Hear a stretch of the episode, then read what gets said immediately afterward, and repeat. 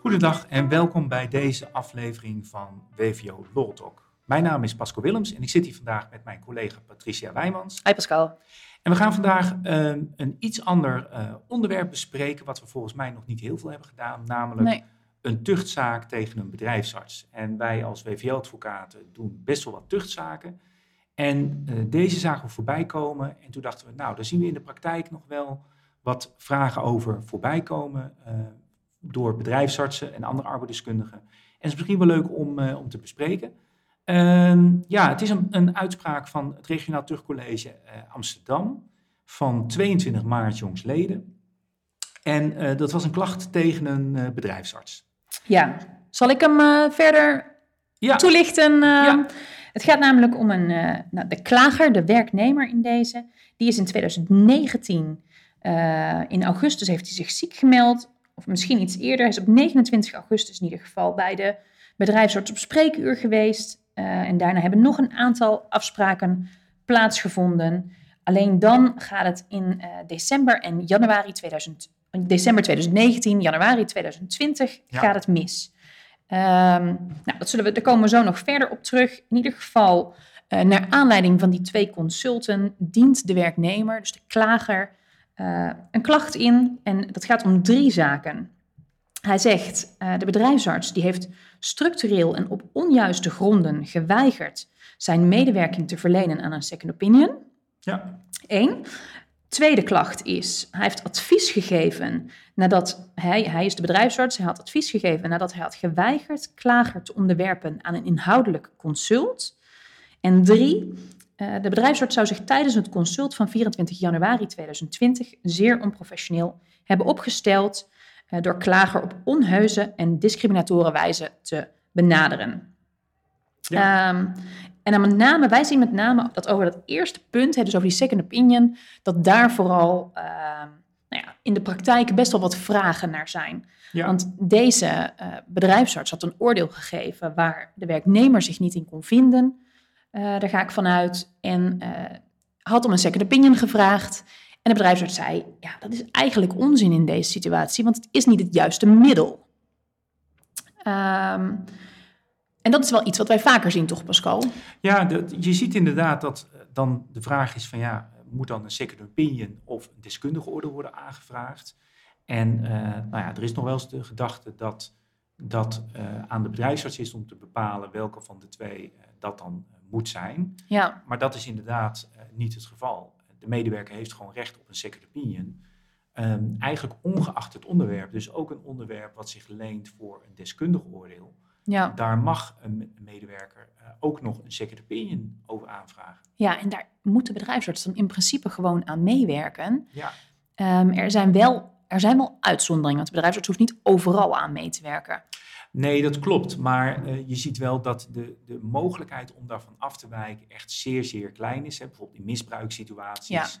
Ja. Um, maar niet als je denkt als bedrijfsarts, nou ja, er is een betere alternatief voorhanden. Ja. Je kan het hoogstens aan zeggen van, goh, je kan een second opinion hebben, maar nou ja, het heeft geen opschortende werking bijvoorbeeld. Uh, Ja. het, het is ook niet um, dat een rechter, uh, op waar een deskundig oordeel soms het toegangskaartje is tot de rechter, dat je dat met een opinion dan kan oplossen. Zo is het ook weer niet. Nee, Um, maar uiteindelijk is de medewerker wel die bepaalt van ik wil graag die opinion uh, of niet.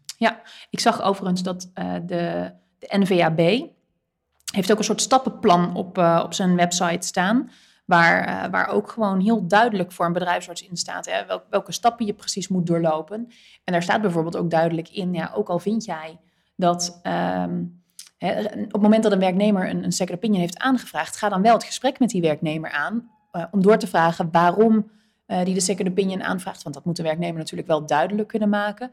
Um, maar ook als jij vindt dat er andere manieren zijn of andere ja, manieren zijn die beter zijn om het doel te bereiken, dan kun je dat wel bespreken. Maar uiteindelijk is de keuze ligt wel bij de werknemer. Ja, kijk, wat je wel eens merkt is dat als een medewerker aangeeft, ik wil een second opinion, dat een bedrijfsarts dat vaak als ja, kritiek ervaart, hè, want de medewerker is het ermee eens, en dat daarmee de relatie meteen onder druk komt te staan. Ja. Ehm, en ik kan me dat aan de ene kant wel voorstellen. Hè, dat, dat zouden wij denk ik ook hebben als een, ja. wij een advies geven en eh, een klant zegt van, nou ik ga een second opinion vragen. Heb je ook zoiets van, oké, maar vertrouw je mij niet, geloof je mij niet? ja. Ehm, en toch moet je dat proberen los te laten. Zeg, nou oké, dat mag. Hè, ehm, je mag daar een Ja. opinion. Je kan inderdaad, ik zou er altijd het gesprek over aangaan. Je hebt ook bedrijfsartsen die gooien meteen de deur dicht. En leggen meteen het liefste de begeleiding stil. Omdat ze dat als een motie van wantrouwen zien. ja. Maar zo moet je het denk ik niet, eh, niet meteen zien. Maar het gesprek over aangaan van nou oké, ja, dat recht heeft u. Eh, waarom wilt u dat? Wat wilt u ermee bereiken? ja. Ehm, probeer dat gesprek in ieder geval aan te gaan. Kijk, Ja. het kan zijn dat een medewerker zo boos, terughoudend, eh, ontevreden is dat hij dat gesprek niet wil aangaan. Ja, dan houdt het op. Maar dan Ja. kan je het wel weer in je dossier vastleggen. Ik heb dit en dit gevraagd. Dat wilde die niet. ja. Ehm, uiteindelijk de, de route van opinion is inmiddels wel voldoende duidelijk en uitgekoud. Ook staat het in dat stappenplan van de NVB. Ehm, maar het is niet aan jou als bedrijfsarts, of niet aan jou, bijna niet aan jou als bedrijfsarts om te zeggen nee, dat krijg je niet. In principe moet je daar dus Ja. wel mee. En het is dus ook even, even ehm, voor de duidelijkheid voor de luisteraars. Het is dus niet zo hè, dat, dat ehm, met die second opinion, dat daarmee van begeleidend bedrijfsarts wordt geswitcht. Hè?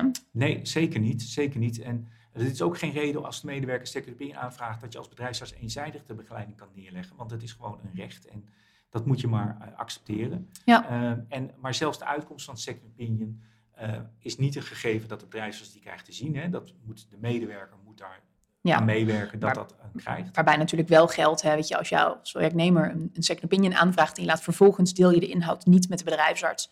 Ja, dan gaat de bedrijfsarts ook natuurlijk, die kan niet kennis nemen van dat advies, dus die, die gaat daar ook niks mee doen dan. Sowieso natuurlijk Die niet. zal zijn eigen koers dan blijven varen. ja, ja, je hebt dan geen nieuwe informatie. Nee. Maar zelfs als je die nieuwe informatie hebt, is het nog steeds aan die bedrijfsarts om af te wegen of dat Ja. ertoe leidt, of die wel of niet zijn, zijn advies bijvoorbeeld aanpast. Ja. En wat wij ook wel eens horen, dat bedrijfsartsen, als ze nou eenmaal een afwijkend second opinion liggen, dat ze denken van, nou ja, ik doe maar wat die second opinion bedrijfsarts heeft gezegd, want dan heb ik het minste kans op gedoe en dan zal het wel goed zijn.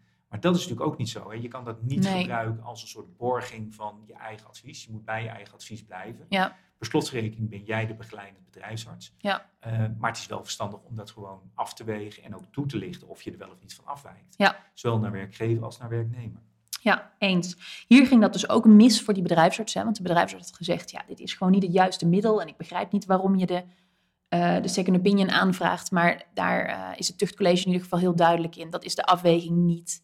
Ja. En de bedrijfsarts had in dit geval mee moeten werken aan de second opinion. Ja, precies.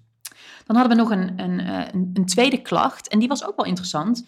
Ehm, want Ja. deze werknemer die wilde geluidsopnames maken. Ja, en ook dat merken we natuurlijk wel eens. Hè. En in dit geval zei de bedrijfsarts, ja, als jij dat wil opnemen, dan hou ik gewoon geen inhoudelijk consult. Ja, Dan geef ik gewoon een advies zonder jou gesproken te hebben. Ja. Ehm, en daar merk je eigenlijk al, hè, zeker bij deze twee klachtgronden, en dat de, de kwestie zelf is vrij sumier, vind ik, beschreven in de uitspraak.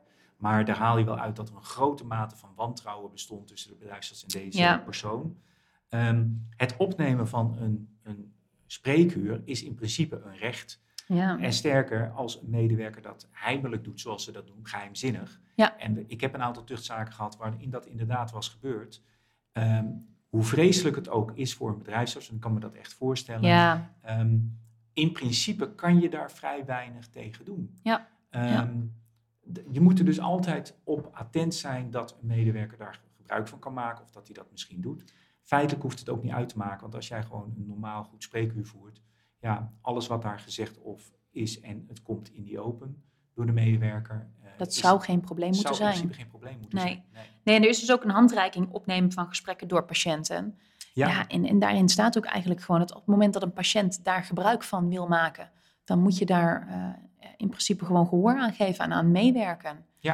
Ja, en eh, oorspronkelijk is dat natuurlijk bedoeld hè, dat een medewerker, of een medewerker, een patiënt eigenlijk, hè, want het Ja. is een KNMG-richtlijn, niet zozeer van de NVB, dus het is breder in de, in de gezondheidszorg.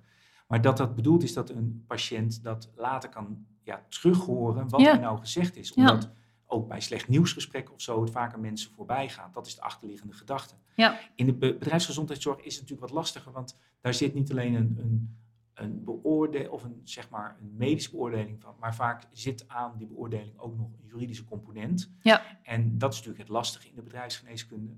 En tegelijkertijd blijft natuurlijk de verhouding tussen een bedrijfsarts en een, een medewerker, een patiënt, nog steeds wel een, ja, in de basis een arts-patiënt contact, Ja, eh, waar vertrouwen en betrouwbaarheid eh, voorop hoort te staan. Ja. Ehm, dus daarom wordt nog steeds diezelfde lijn aangehouden. ja. En de, de bedrijfsarts in dit geval heeft dus eigenlijk geen inhoudelijk gesprek met de medewerker gevoerd over, nou ja, over zijn belastbaarheid en over wat er precies aan scheelt. Dus hebben met name, lijkt het erop, ehm, met elkaar gesproken over het wel of niet opnemen van de gesprekken. Maar vervolgens is daar wel een oordeel uitgekomen door die bedrijfsarts, waarin de bedrijfsarts in ieder geval ehm, heeft gezegd, ja, deze, deze klager die is in ieder geval in, staat om een gesprek te voeren met zijn werkgever. Eh, daarvan zegt het tuchtcollege toch eh, dat de, de bedrijfsarts wel onzorgvuldig heeft gehandeld. Hè, want er, er was, eh, omdat er toch niet inhoudelijk over die medische situatie is gesproken, eh, waarbij het tuchtcollege wel zegt, ja, weet je, we, begrijpen wel eh, dat de bedrijfsarts heeft geadviseerd dat hij met zijn werkgever mocht praten. Dus dat mocht hij dan wel beoordelen en adviseren. Ja, kijk, hier zit een dubbeling, denk ik, in. Want aan de ene kant moet je als arts wel je patiënt ja, horen, hè, eh, weten wat Ja. er speelt. Ehm, dus daar zit die onzorgvuldigheid, denk ik, terecht in. Maar als je kijkt naar de medische situatie van de patiënt zelf, en wat hij denk ik ook heeft aangegeven wat hij anders had willen vertellen in dat gesprek, Ja, en op basis van die situatie was het oordeel van de bedrijfsarts dat een medewerker een gesprek kon voeren wel juist. En dat heeft natuurlijk ook mee te maken dat ja, de situatie waarin een medewerker geen gesprek kan voeren, die zijn natuurlijk heel beperkt. ja, Een gesprek voeren is echt heel iets anders dan weer kunnen werken. Ja. Dus de, de keren dat een medewerker eh, niet het gesprek hoeft te voeren, dat is beperkt. ja, Dus zelfs kon de bedrijfsarts dat op basis van deze situatie wel beoordelen. Maar ja, daar zie je wel dat hij toch een beetje eh, ja, eh, te kort door de bocht is gegaan. ja, precies, precies. En dan eigenlijk tot, tot slot, de derde klacht, hè, dat gaat dan met name om het professioneel handelen. Ehm, daar, ehm, ja, daar zegt eh, het, het tuchtcollege eigenlijk van, ja, weet je, we zien gewoon dat de, de bedrijfsarts heeft zich een beetje mee laten slepen, lijkt het, eh, in, de, ja, in de situatie met de... In de situatie, ja, hey. Siri is er ook bij. nee, de bedrijfsarts die heeft zich een beetje laten meeslepen ehm, in het conflict met, met de klager, de werknemer. Eh, en daarvan eh, moet de bedrijfsarts als professionele partij eigenlijk degene zijn die eh, daarboven staat en een, een ja, de-escalerende houding aanneemt. Ja. Dat heeft de bedrijfsarts hier niet gedaan. Ja. ja, eigenlijk je moet een olifantenhuid hebben. Hè? Dat, zo Ja. zou je het kunnen beschrijven. Je moet Ja. daar gewoon professioneel mee om laten omgaan. Ehm, en je niet laten meeslepen. En zeker niet daar op deze manier op reageren door geen opinion toe te staan. Opnames uitsluiten. Want Ja. in feite zegt NVB, ja, je hebt eigenlijk twee, twee keer een richtlijn of een werkwijze eh, niet gevolgd. Ja, Zonder reden. En dat zit hem puur in emotie. Ja. En dan kom je eigenlijk bij die derde klachtgrond, namelijk onprofessioneel handelen. Ja. Ja. van een redelijk handelend en bekwaam bedrijfsarts als je anders mogen verwachten. Dus de, de optelsom van, van deze klacht, hè, eigenlijk is deze klacht natuurlijk een, eh, een vervolg op de situatie die zich daar, de, de, ja, de conflict situatie die zich daar heeft voorgedaan. ja, En dat deze bedrijfsarts eh, ja, eh, veroordeeld wordt. En, Ja. en best pittig. Ja, best pittig, want deze ehm, bedrijfsarts die heeft een berisping gekregen. Ehm, en dat is met name ook omdat eh, deze bedrijfsarts al eerder gewaarschuwd was. Ja, en daar kennelijk is dan het oordeel van het tuchtcollege dat, daar te weinig, dat hij daar te weinig lering uit heeft getrokken. Ja, je ziet dat hij, er wordt hem verweten dat hij de wet en regelgeving niet kende. Dus eh, het is dat hij, waarschijnlijk heeft hij ook op de zitting verteld dat hij die regels helemaal niet kende. Ja, In plaats van dat hij zei, ik ken ze wel, maar ik heb er bewust van afgeweken, wat een Ja. ander verhaal is. ja, Ehm, ook het de- niet de-escaleren wordt hem verweten. En tot slot, en dat zien we toch wel vaak, hè, hakken in het zand zetten en niet ja, reflecterend opstellen. En dat verbaast mij toch nog wel tijdens eh, best wel wat uitspraken waar je ziet dat een berisping wordt opgelegd. We hebben daar zo intern ook een keer een onderzoekje naar gedaan. Dat artsen die zich niet reflecterend en lerend opstellen, eh, best wel vaak een berisping krijgen. Om ja. een extra tik op de vingers van let op, daar moet je echt wel wat mee doen. precies. Dus, en, en daar waar je jezelf al nou ja, wat meer openstelt en, en wat meer bereid bent om naar je eigen handelen te kijken, kritisch, en om daar ook iets mee te doen, dan leidt dat wat sneller tot een waarschuwing. Juist, want kijk, tuchtrecht is bedoeld om de kwaliteit te verbeteren. En niet om te straffen. Terwijl in het woord tucht lijkt wel iets straffends te zitten. Ja, ja. Eh, en zo wordt het echt wel ervaren hoor. Ja, Door zeker. Alle bedrijfsartsen die bijstaan, die vinden dit vreselijk. En dat snap ik heel goed. Maar het is echt richting de kwaliteitsverbetering. Dus als je zegt, oké, ik heb misschien een fout gemaakt, maar hier heb ik lering van gemaakt. Ik ga het de volgende keer anders doen. Is de opstelling van een tuchtcollege heel anders dan dat je zegt, joh, die klagen is allemaal onzin en ik heb het goed gedaan en Ja. ik trek me er helemaal niks van aan. Ja.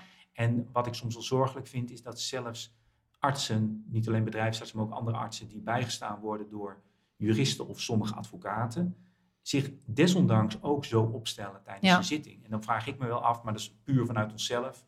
eh, heb je dan dat niet verteld aan je cliënt? ja. Is dat niet tot je doorgedrongen? Ehm, dat weet ik natuurlijk niet, hè, maar we zien dan wel regelmatig van, nou ja, het zijn maar een beperkt groepje juristen en advocaten die dit soort zaken doen. En dan zie je soms wel dingen terugkomen dat je denkt van, hmm, dit had anders gekund. ja, ja, eens. Maar goed, ja, in dit geval dus een, een berisping. Ehm, nou ja, eh, of er eh hoger beroep bij het Centraal Medisch Terugcollege is ingesteld, is nog niet duidelijk, hè, want die termijn loopt nog. Eh, mocht dat wel zijn, dan gaan we daar denk ik zeker wel even aandacht aan besteden. Ja, Als het tenminste interessant is. Want ik kan me ook voorstellen dat het Centraal Terugcollege vrij snel, ehm, als ik dit zo lees, Ja, tot oordeel komt van precies. ja, ehm, dit is gewoon zoals het, moet zijn. Het, lij- het lijkt wel terecht, inderdaad, eh, als je het zo leest. Maar goed, nogmaals, wij lezen natuurlijk alleen de uitspraak en weten niet alle ins en outs van deze, van deze zaak.